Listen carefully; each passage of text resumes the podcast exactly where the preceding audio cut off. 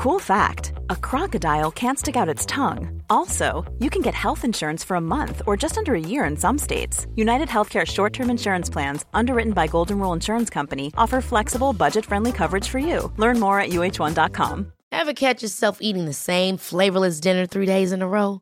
Dreaming of something better? Well, HelloFresh is your guilt free dream come true, baby. It's me, Gigi Palmer. Let's wake up those taste buds with hot, juicy pecan crusted chicken or garlic butter shrimp scampi. Mm. Hello Fresh. Stop dreaming of all the delicious possibilities and dig in at HelloFresh.com. Let's get this dinner party started.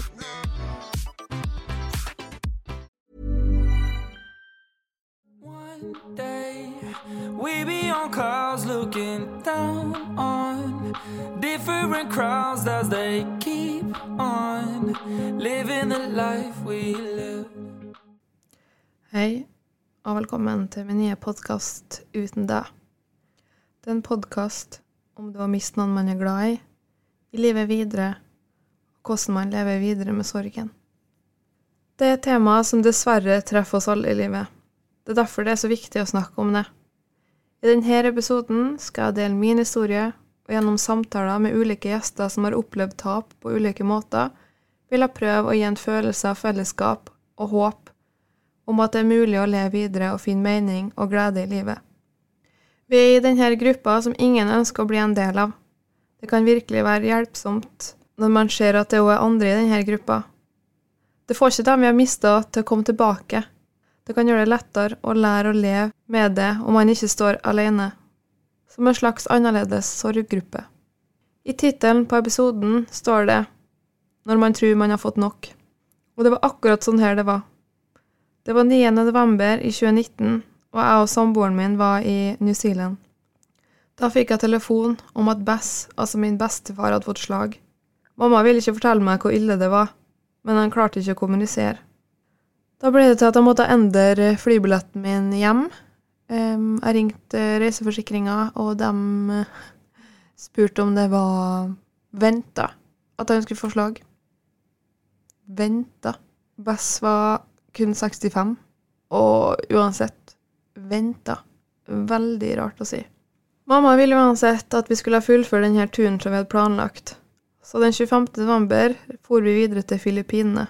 Og på den kvelden fikk jeg telefon av mamma. Hun spurte om jeg var alene. Jonathan sov, så jeg gikk ut på gangen. Farmor er død. Jeg husker bare at jeg lente meg inntil veggen fordi føttene mine kollapsa. Om det var noen som skulle gå bort nå, så var det jo Bess, tenkte jeg. Det var jo han som hadde fått slag. Han hadde også kreft, som viste seg å være mye mer alvorlig enn det vi trodde. Han fikk kreft i 2014, bukspyttkjertelkreft. Og han har siden da kjempa og kjempa. Farmor flytta ned på sykehjem noen år tidligere. Hun hadde fått slag for noen år siden og hadde egentlig bare gitt opp livet. Hun lå for det meste på sofaen, men Bess serverte henne med alt hun måtte trenge. Kroppen hennes hadde svikta litt, men hun var helt klar i hodet, og Bess var ned og besøkte henne hver kveld klokka seks. Når hun bodde hjemme, levde han for henne, og det gjorde han jo for så vidt ennå. Han gjorde alt for henne. Den kjærligheten deres var helt unik. Bess var bare 18 når de møttes. Da hadde farmor allerede fått pappa på tolv år og to andre søsken. Jeg husker jeg tenkte Bess til å klare seg uten farmor? Farmor var jo tolv år eldre enn Bess, så det kom jo til å komme en dag mest sannsynlig der han måtte klare seg alene. Som jeg nevnte, så var pappa tolv år når Bess kom inn i livet hans. Han var som min ekte farfar. Min biologiske farfar døde i 2013. Jeg kjente han ikke spesielt godt, men jeg angrer fremdeles i dag på at det ikke var i begravelsen hans. Da var jeg på vei til Bali for å studere. Jeg skulle ha tatt felles fly med alle de andre studentene, og jeg reiste ned alene, så tenkte det var lurt av meg. Jeg tenkte jo at jeg kjente han jo ikke, men det jeg ikke tenkte på, var at det var fremdeles pappaen til min pappa. Heldigvis så la de et bilde av meg og farfar ned i kista sammen med han. Uansett, tilbake til da jeg fikk vite om farmor. Dagen etter bestilte vi returbillett tilbake til Norge, og dagen etter det, den 27. november, drar vi til Bangkok, og den 28. november reiser jeg hjem, alene. Det ble en trist eh, flyreise hjem, med konstant tårer i øynene. Jeg landa i Molde på ettermiddagen, helt uvitende om at livet mitt nå kom til å snus helt på hodet. Jeg setter meg inn i bilen med mamma. Vi kjører ut på vei mot Frei, der jeg er fra. Og i rundkjøringa så sier mamma pappa har kreft. Og jeg visste liksom ikke hvordan jeg skulle reagere, fordi jeg reiste hjem fordi farmor hadde gått bort. Ikke fordi at min pappa hadde kreft. Nå ble jo alt fokus rundt det her. Farmor døde på mandag. Jeg kom hjem på torsdag, fikk vite at pappa hadde kreft. Og alt fokus var å få pappa på CT og MR. Jeg ringte og jeg ringte og prøvde å få fortgang på det her. Denne helga sto egentlig helt stille. Pappa fikk CT på mandag etter mye om og men. Jeg husker at jeg våkna den morgenen før vi skulle på CT, og pappa snakket telefonen utenfor soverommet. Da skjønte jeg at Bess hadde gått bort. Ei uke fra hverandre. Og midt oppi alt det her så fikk pappa diagnosen kreft. Er det buksa? Bukse. Det ble bukse. Ja, streks med. Nei. Hm? Halloen. Hallo. Ja, det der er skikkelig bukse. Halloen. Hallo, farmor. Jeg rakk ikke å si ha det til Bess. Jeg lovde at jeg skulle komme og si ha det, men jeg ble så fokusert på pappa at det var på en måte ingenting annet som var viktig. Men etter CT-en på den mandagen så skulle jeg ned til Bess og snakke med han. Det rakk jeg ikke. 6. desember ble det dobbeltbegravelse, farmor og Bess. Sorgen over at de gikk bort, ble liksom ikke det samme nå. Nå hadde jo pappa fått kreft. Så der satt han, pappa altså, i kirka, med kreft, og mista sine nærme, som han har hatt hele livet sitt. Etter begravelsen var det en samling, altså en minnestund. Og så samla vi familien hjem til farmor og best etter det. Det var en utrolig koselig kveld, og vi mimra og prata og kosa oss. Dagene etter det her gikk vi og ventet på svar om pappa, trening, turer og være hjem, pluss jobb i Trondheim. Pappa ble operert for første gang 19. desember, og den 24. desember, på julaften, kunne vi hente den hjem. Og vi skulle først, for første gang på mange år feire julaften hjem. Vi pleide egentlig å være hos farmor og Bess, men det kunne vi jo ikke lenger. Jeg husker jo at jeg ringte dagen før operasjonen. Han fortalte meg at det var akkurat nå han trengte mammaen sin som mest. Snart 60 år, og hun er ikke noe mer. Vi fikk beskjed om at operasjonen var vellykka, så nå var det etterbehandling, med cellegift. Det her skulle egentlig bare være forebyggende behandling. De hadde klart å fjerne svulsten i tjukktarmen i desember. Jonathan, min samboer, han skulle fortsette å spille fotball, og han fikk muligheten i Trondheim. Han ville òg bo nære meg. Der begynte han å spille. Så han flytta dit, og jeg fikk meg en pendlerjobb i Trondheim, der jeg var i Trondheim hovedsakelig mandag til torsdag. Og alt sirkla egentlig rundt pappa. Og så kom covid, og etter det ble jeg permittert og flytta hjem. Det var jo egentlig veldig fint på en måte. Jeg fikk vært hjemme med pappa. Ukene som kom, fylte mamma og pappa med sine små roadtrips innom kafeer og lignende. De elska roadtrips.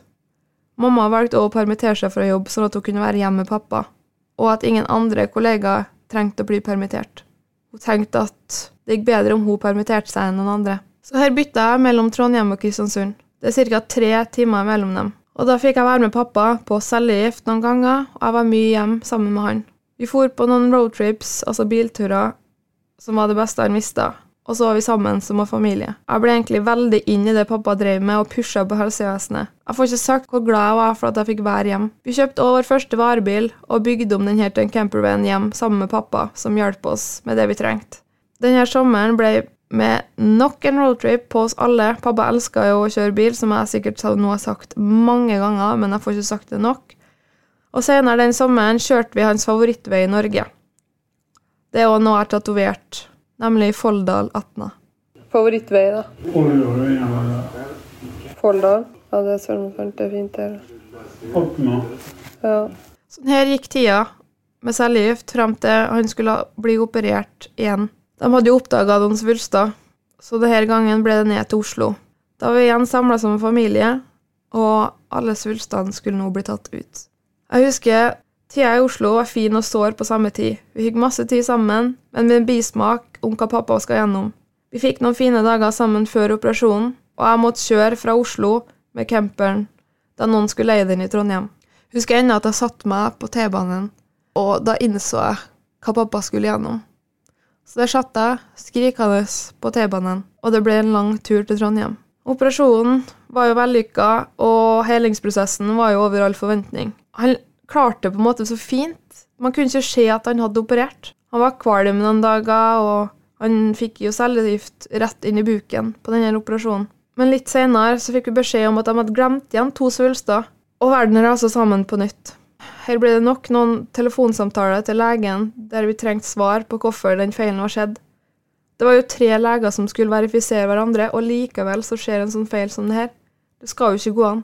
Legen svarte meg egentlig ikke på spørsmålet. Han svarte egentlig bare veldig rundt det, og jeg ble ikke noe klokere. Mer egentlig irritert. Nok en gang måtte pappa gjennom en operasjon. En operasjon han kunne ha unngått. Få måneder etterpå så ble det nok en operasjon. Pappa sa at han fremdeles hadde tillit til dem etter forrige operasjon, så det skulle ikke legen tenke på. Og nå tenkte vi bare at alle gode ting er tre, og at han nå er kreftfri etter denne operasjonen. Tre operasjoner på elleve måneder. Nå får det jo holde.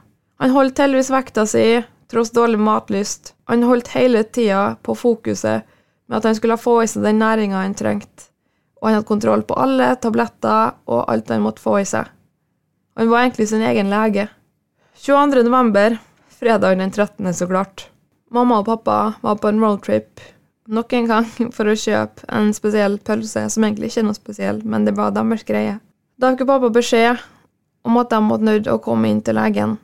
Det var kveld, og jeg tenkte nå Vi visste jo ikke hva han skulle si, men vi skjønte jo at det ikke var bra. Jeg husker nøyaktig hvor jeg sto når jeg venta på det her svaret, og det var helt eh, det, var, det er jo som en berg-og-dal-bane, hele det her. Jeg elsker jo egentlig berg-og-dal-baner, men akkurat den her hater jeg. Det er opp og ned hele veien. Men beskjeden han i hvert fall fikk når de kom inn på sykehuset, var at han fått spredning til lever. Så alle gode ting var ikke tre, som mamma har skrevet i en Facebook-status. Nå var jo målet at han skulle få operere nok en gang, men han måtte minske svulsten først. Og allmenntilstanden hans var jo bra. Dagene gikk nå til som vanlig for han, med bilprat. Han elska bil, holdt på med bil, og jeg er veldig glad at han hadde denne hobbyen, så han slapp å ligge på sofaen dag inn og dag ut og tenke på at han har kreft. Det ble nok en julaften der pappa var ganske sliten. I fjor kom han jo hjem på julaften etter operasjon.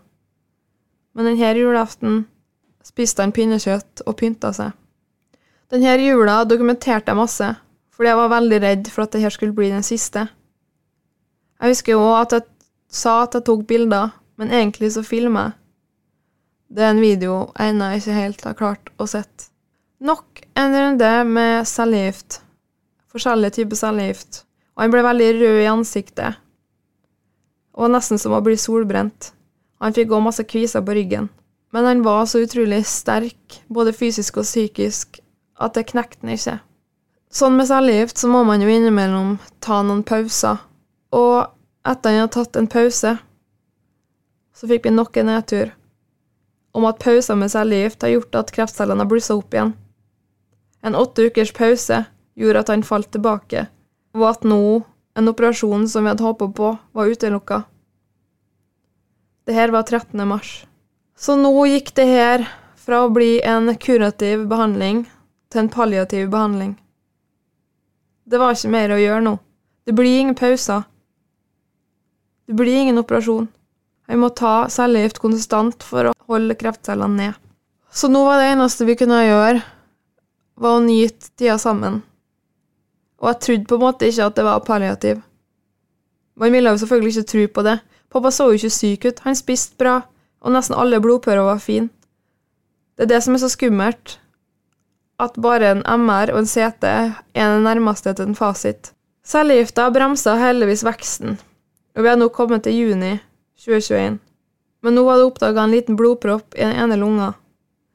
Og jeg tror det var den gangen pappa sa at han hadde litt vondt i leggen, så jeg tvang han med på syk på, til legen.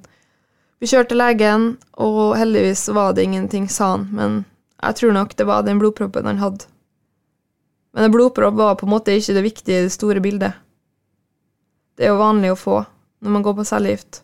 Formen var fremdeles fin, og han holdt fremdeles på med bil. Og reduksjonen den fortsatte, og vi var optimistiske. Og det er jo det man må.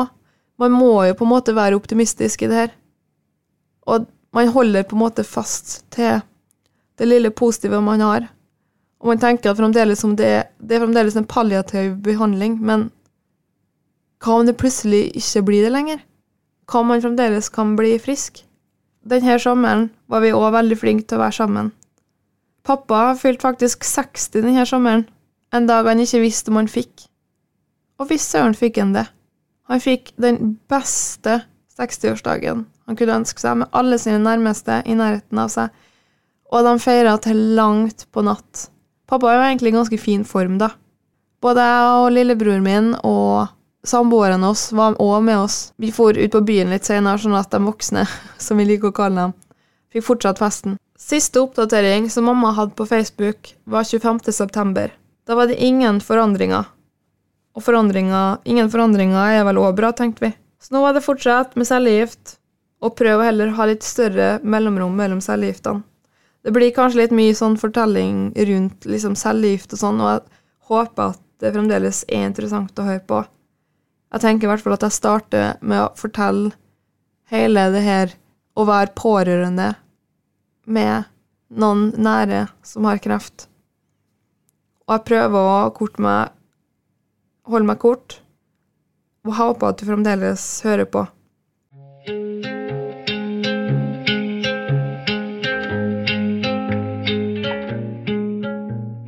Som jeg nevnte, så slutta oppdateringene om pappa her. Og vi hadde jo fått beskjed om at det ikke lenger var noe å gjøre. Jeg skulle egentlig være med på studiet, men siden det dro så galt ut på tid, så var pappa for svak. Så det er egentlig game over nå? Ja. Nei. Ja. Nei, jeg bare rest my case. Jeg har ikke mer å si, egentlig. Nei. Det var fjerde gangen jeg ikke skulle klare å reise meg. Mm. Ja. Nei, vi får bare la det synke inn og ta dag for dag. Cellegift er jo gift. Han frøys masse, spiste veldig lite, og han ble bare svakere. Og når vi fikk den beskjeden om at nå var det ikke noe mer å gjøre Han var for svak til å få cellegift. Han ble for dårlig, rett og slett. Altså, det øyeblikket, det var helt Det var som at pappa bare Altså, man bare gir opp, da. Og kroppen bare klarer å gi opp. Det er helt rart hvordan kroppen bare Nei, nå er det nok. Det går ikke mer. Det er game over.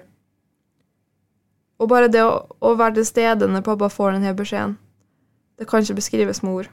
Så nå måtte Zakarias komme hjem fra USA, og jeg for ikke ut på jobb, for nå gikk det bare én vei. Så går det inn i det som heter sluttfasen. ja. Ja, men det vet vi jo ikke om det er nå, eller hva. Det er jo sikkert ikke nå, da. Når Men du- den starter nå. Den starter Men nå. hvor lenge hun varer, det er ingen som vet. Tredje dødsfall. Du får. Ja, egentlig. Ikke send noen dårlige nyheter til Zakarias. Nei. Eh, Han tenker jeg kan få være der til Here's a cool fact a crocodile can't stick out its tongue. Another cool fact you can get short term health insurance for a month or just under a year in some states. United Healthcare short term insurance plans are designed for people who are between jobs, coming off their parents' plan, or turning a side hustle into a full time gig. Underwritten by Golden Rule Insurance Company, they offer flexible, budget friendly coverage with access to a nationwide network of doctors and hospitals. Get more cool facts about United Healthcare short term plans at uh1.com. Hold up. What was that? Boring. No flavor. That was as bad as those leftovers you ate all week. Kiki Palmer here, and it's time to say hello to something fresh and guilt-free. Hello Fresh. Jazz up dinner with pecan-crusted chicken or garlic butter shrimp scampi. Now that's music to my mouth. Hello Fresh. Let's get this dinner party started. Discover all the delicious possibilities at hellofresh.com.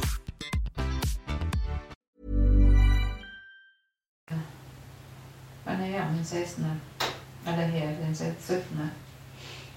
Lell om jeg fortsatte å ringt og prøvde å få han med på forskning og prøvde å få tak i en second opinion, men det var på en måte ikke noe mer å gjøre. Jeg var lagt på sykehuset sjøl pga. lysbehandling, og jeg benytta anledninga til å snike meg inn på kreftavdelinga for å snakke med legen hans for å forstå mer, for å få svar. Jeg passa på at alt var prøvd. Vi visste jo at det her var alvorlig.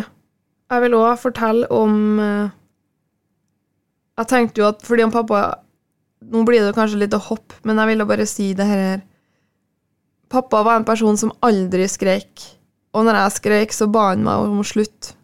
Jeg vet ikke om det var fordi da innså han på en måte realiteten i det hele. Zakarias kom hjem. Jeg var og henta han på flyplassen. Han visste jo nå at det var alvorlig. Men sist gang jeg henta han, så var det for å fortelle pappa at han hadde fått kreft. Det husker jeg enda jeg var på Han kom på, med hurtigbåten. Man skal jo ikke fortelle søsknene sine at pappa har fått kreft. Nok en gang var vi samla, og nå var det for at pappa ikke lenger skulle være til stede. Og jeg tenker at hjernen er litt sånn at den glemmer en del ting. Og jeg føler i hvert fall at jeg har blitt mer glemsk etter det her har skjedd med meg. Vi fikk eh, Pappa hadde jo kontakt med kreftsykepleier gjennom hele det her, egentlig. Og hun fiksa det han trengte av ting hjem. Fordi pappa, han ville dø hjem. Og det ville jo vi at han skulle gjøre, hvis det var det han ville. Han spurte mamma om det var greit, for hun hadde jo tenkt å bo i huset etterpå. Og pappa sa det var, nei, og mamma sa at det var helt greit. Om det så skulle gå igjen noen i huset, så var det jo bare han. Og det gjorde jo ingenting. De har jo vært sammen i ekstremt mange år. Jeg mener det var i 84 de ble sammen. Mamma og pappa holdt sammen siden 84. Pappa var mammas første ordentlig kjæreste. Mamma hadde aldri bodd alene. Hvordan skulle det gå? Og som den praktikeren pappa var, så begynte jo han å tenke på alt det som måtte fikses og styres, og var mer på en måte Eller det er jo kanskje noe man gjør når man ikke får ha kontroll over kreften lenger, fordi den spiser deg opp innvendig. Da prøvde jeg å finne noe annet å kontroll på. Og det kunne jo være på å hjelpe oss hjem. Han var jo alltid den som fiksa alt. Han kunne alt, fiksa alt, og var en ordentlig MacGyver, om man kan si det sånn. Dagene gikk, og pappa ble svakere og svakere. Han brakk seg. Han brakk seg hele tida. Han fikk ikke inn mat. Det eneste han klarte å spise, var isbiter, så vi prøvde å lage isbiter med forskjellig type smak. Det var på en måte det han fikk i seg. Han lå på sofaen og fikk besøk av et par um, nærme venner. Han var liksom Han hadde jo ikke energi til noen ting, men et par venner måtte vi jo klare å få inn i det her. Vi lå sammen på sofaen, alle sammen, og jeg kunne uansett hvor jeg var i huset, høre at pappa brakk seg. Og vi prøvde å mimre tilbake. Mamma fortalte ting om dem, og masse minner de har sammen, som jeg tok taleopptak av. Og så alle papirene dine rundt omkring ute i garasjen som er på pult og sånn, er er det noe som skal tas vare på, liksom? Alt utstyret samles. Ja, det er et kapittel for seg sjøl. Vi så på film sammen. Jeg spurte pappa hva hans favorittfilm var. Vi så på den. Um, ja. Og prøvde bare å forsone oss med at det her var det som kom til å skje. Fra nå av, når han bare ble svakere og svakere, så venta han jo egentlig bare på å dø. Noen dager før han gikk bort, ble han flytta inn til senga til mamma og pappa. De siste dagene ble jeg der. Han hadde planer om å komme ut på stua igjen, men han klarte ikke. Men han ba meg fremdeles om å fylle diesel på bilen hans og gjøre de her type ting som han trengte. Og jeg husker at jeg tenkte, hvor sinnssykt er det ikke at pappa nå aldri skal ned i garasjen igjen? Han var i garasjen hver kveld. Han elska å være i garasjen. Og bilen hans sto der. Og tenk at han aldri mer skal få sitte i denne bilen. Og jeg skreik utrolig mye denne perioden. Fordi jeg tenkte på at pappa plutselig ikke skulle gjøre mer. Han skulle aldri dra på kjøretur lenger. Han skulle ikke gjøre de vanlige tingene, liksom. Han skulle ikke spise pinnekjøtt. Og han hadde så lyst på pinnekjøtt, men han fikk ikke det å spise. For han hadde så vondt fordi levra pressa sånn på, for den vokser jo svulsten. Stemmen hans ble bare svakere og svakere, og jeg fortsatte å stille spørsmål på ting som jeg har glemt og spurt om, fordi pappa skulle jo være der for alltid. Det er så sykt, fordi han hadde jo et liv før også, tro det eller ei. Men Og de, alle de tingene har jeg på en måte ikke spurt om, så jeg spurte nok litt seint, men jeg fikk jo noen små svar. Og jeg husker at han prøvde å sette seg opp i senga, og jeg stilte en spørsmål, og han sa For jeg spurte han om han hadde venner når han var liten, hvordan her var. Og det hadde ikke. Pappa som liksom var så stor og sterk og liksom så tøff og kul. Hadde liksom ikke noen spesielle venner, sa han da, når han var liten. Og det er jo helt for jævlig å tenke på. Ikke spør så mye om det. Men jeg vil veldig gjerne at hvis du har anledning eller klarer å si noen ting, så har jeg veldig lyst til at du forteller. Sånn. Ja. Etter jeg stilte noen spørsmål, så sa han bare at Mali, jeg klarer ikke mer nå. Og jeg hørte at han ikke huska så mye. eh, For jeg spurte han hvor han har vokst opp, og han visste liksom ikke lenger, da. Han, kl- eh, han klarte sikkert bare ikke å tenke. Jeg husker òg at han var på en måte den tekniske i familien. Han kunne jo alt sånne tekniske ting. Skulle tro at var rene ungdommen med det der, for at han kunne ting som på en måte typisk sett kommet på markedet en gang. Han drev jo med diagnose på bil og skrudd og holdt på med sånn hjerne til bil, og skjønte jo ikke noe av det. Men så husker jeg at plutselig så huska han ikke PIN-koden engang på mobilen sin. Og jeg måtte ringe Ice for å få dem til å åpne, for han har skrevet inn passord feil tre ganger. Og da innså jeg liksom Nå har jeg mista det. Alt var liksom tungt. Pappa ville også være mye alene, og det var han som person òg. Han likte jo å være mye alene, og det var på en måte Ja, sånn det var, da. Og nå ble det jo at at han var mye alene, for han ville ikke at vi skulle sitte inntil han på rommet hele tida. Så jeg og mamma og Zakarias, vi gikk inn Eller vi satt på stua og så, så en serie. Jeg husker ennå hvilken serie det var, og den minner meg kun om siste tida til pappa. Så gikk vi runder inn til pappa, og visste at han lå på rommet ved siden av og venta på å dø. Jeg stilte en spørsmål også, som, som om Og så syns du ikke det er dumt, eller hva føler du om at du aldri kommer til å få barnebarn? Du kommer aldri til å følge meg på alteret hvis jeg skal gifte meg. Men han var liksom ferdig med det. Han var ferdig med alt. Og jeg prøvde liksom å gjøre ting som han på en måte vil like, da, så satte på musikken hans. Og jeg husker at jeg satt på musikken hans spillelista som heter Diverse på Spotify. Og så kom jeg på en sang som jeg aldri har hørt før, og da begynte han å skrike òg. Mamma gikk bort den for å trøste den, og da sa han at uh, når han la til den sangen her på spillelista si, forsto han at det var noe som var galt. Hva? Datoen datorladen på Datoren lå inni den. Jeg skal sjekke. de dagene jeg kjente at nok skulle skje. Og Hvilken dato var det? Hør på teksten. Den sangen ble spilt på minnestunden hans et år seinere. Lurte på om noen av sangene ville høre, og nei, det var ikke noe spesielt, da. Ja. Og så vet ikke om du bare tilfeldigvis satt på Jeg bare hørte gjennom lista, den dansken. Ja, en dansk sang av ei som heter Anne et eller annet. Eh, som han eh, forteller oss da mens tårene triller nedover kinnet, at eh, den lasta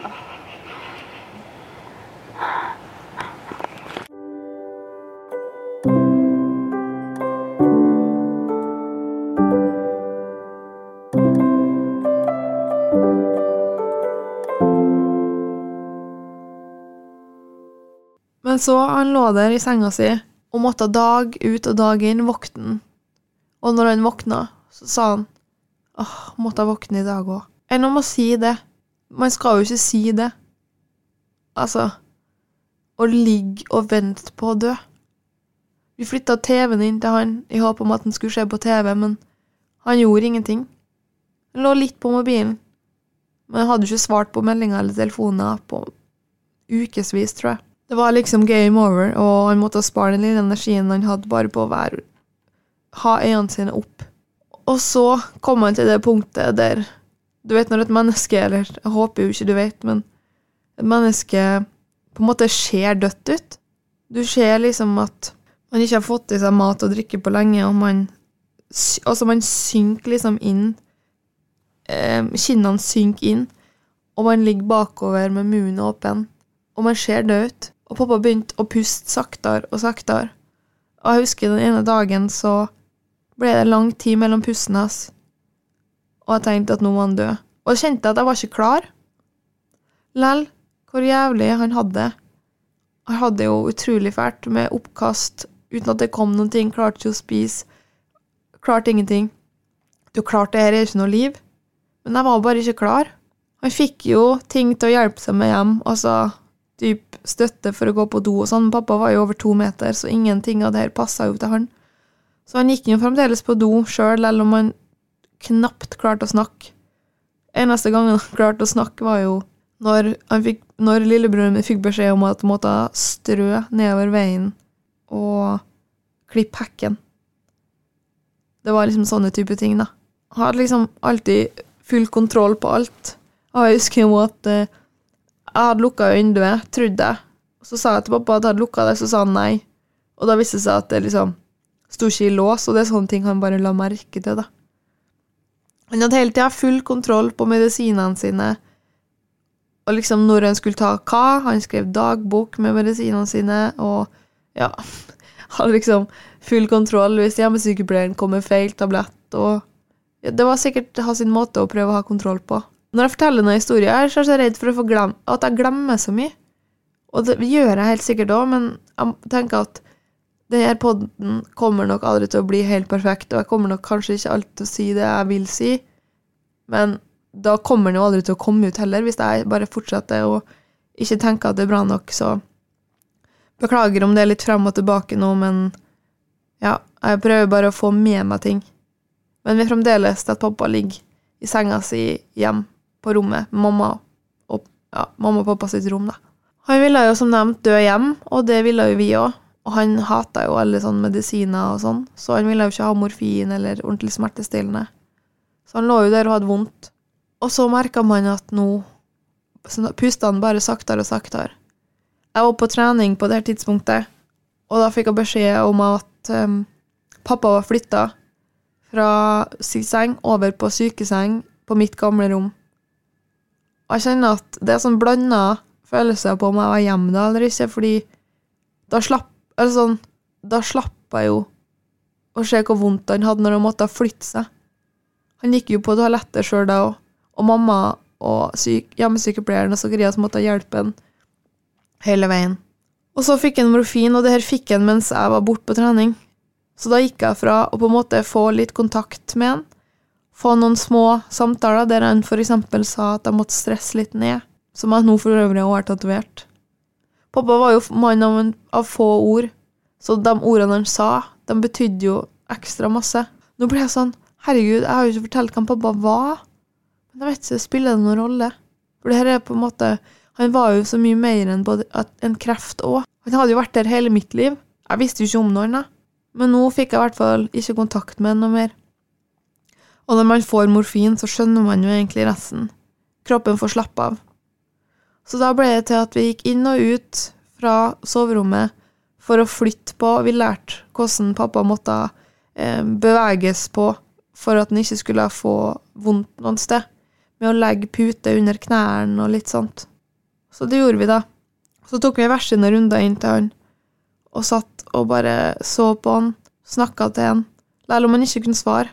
Og siste kvelden, før han sovna inn, så satt jeg òg inntil han og hørte på Finn-varslene som kom inn på iPaden hans, som de gjorde daglig. Men nå betydde det på en måte noe helt annet, fordi nå fikk Altså, de her varslene var så viktige for han, tenkte jeg. Og nå var de liksom ikke det, de betydde ingenting. Men det jeg fikk se, var jo varsla av uh, varebil. Han sa jo sjelden at han hjalp oss med noen ting. Altså, han visste jo bare Han var ikke liksom skrøyt over at han hjalp, men han hadde jo på varsling på bil til oss. Når jeg trodde at han liksom hadde lagt det litt fra seg, at vi ikke skulle bygge noen ny campervan. Men han hadde på varsling. Så da satt jeg der i senga ved siden av og så på varslingene på Finn på iPaden hans fra Finn, og så på at han hadde munnen åpen og slappa helt av. Han så jo død ut den kvelden, eller de andre kveldene òg, når han, når han flytta inn. Nå husker jeg ikke hvor mange dager han lå der, fordi dagene flyter i hop, men da lå jo jeg og Zakarias i senga til mamma og pappa, sammen med katten og Svarg, som var bestevenn til pappa. Og mamma lå inn til pappa klokka kvart på fem, natt til 18. desember, så klart desember. Så kom mamma inn og sier at pappa sovna inn. Og da hadde mamma logget inn på rommet der og hørt på, hørt på pusten som ble bare Det tok lengre og lengre og lengre pauser, helt til hun plutselig ikke hørte pusten igjen. Hun gikk ikke bort og sjekka, men, hel, men fordi hun hørte at hjemmesykepleieren kom. Jeg håper at jeg sier rett nå. Ja. Um, og da gikk jo alle vi inn, og hjemmesykepleieren kunne si at pappa har uh, sovna inn. Og da var det på en måte greit. Han, det var nok. Han var sliten. Han klarte ikke mer, og det var ikke noe alternativ. Det var ikke alternativ at han skulle være frisk. Så det beste alternativet var at han fikk sove inn. Han skulle slippe å ligge og tenke, han skulle slippe å brekke seg. Han skulle slippe å se på oss som lever livet videre. Så der sovna han da inn. 18. desember, kvart på fem på natta. Og dagen her gikk jo veldig i blur, da. Men jeg husker at vi bestilte oss espresspizza og så på serie, som vi hadde gjort de andre kveldene før det òg. Det her ble kanskje litt oppramsing, jeg vet ikke. Jeg har i hvert fall prøvd å fortelle hvordan det er å være pårørende til en som står deg nær med kreft. Og det her var egentlig den historien fra pappa fikk diagnosen til han gikk bort. Men det her var i hvert fall den historien, og um, på en måte del én av min historie. Så jeg håper at du likte denne episoden, og husk gjerne å følge uansett hvor du hører på denne episoden. Så håper jeg at vi snakkes igjen. No, I'll be okay. Up in the nosebleeds, no longer there. So look out for your needs. Where you above the clouds, I'll be roaming the skies tonight.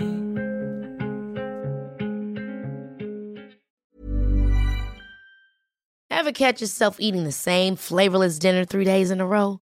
Dreaming of something better? Well, HelloFresh is your guilt free dream come true, baby. It's me, Kiki Palmer. Let's wake up those taste buds with hot, juicy pecan crusted chicken or garlic butter shrimp scampi. Mm. Hello Fresh. Stop dreaming of all the delicious possibilities and dig in at HelloFresh.com. Let's get this dinner party started. Even when we're on a budget, we still deserve nice things. Quince is a place to scoop up stunning high end goods for 50 to 80% less than similar brands. They have buttery soft cashmere sweaters starting at $50, luxurious Italian leather bags, and so much more. Plus, Quince only works with factories that use safe, ethical, and responsible manufacturing. Get the high-end goods you'll love without the high price tag with Quince. Go to quince.com/style for free shipping and 365-day returns.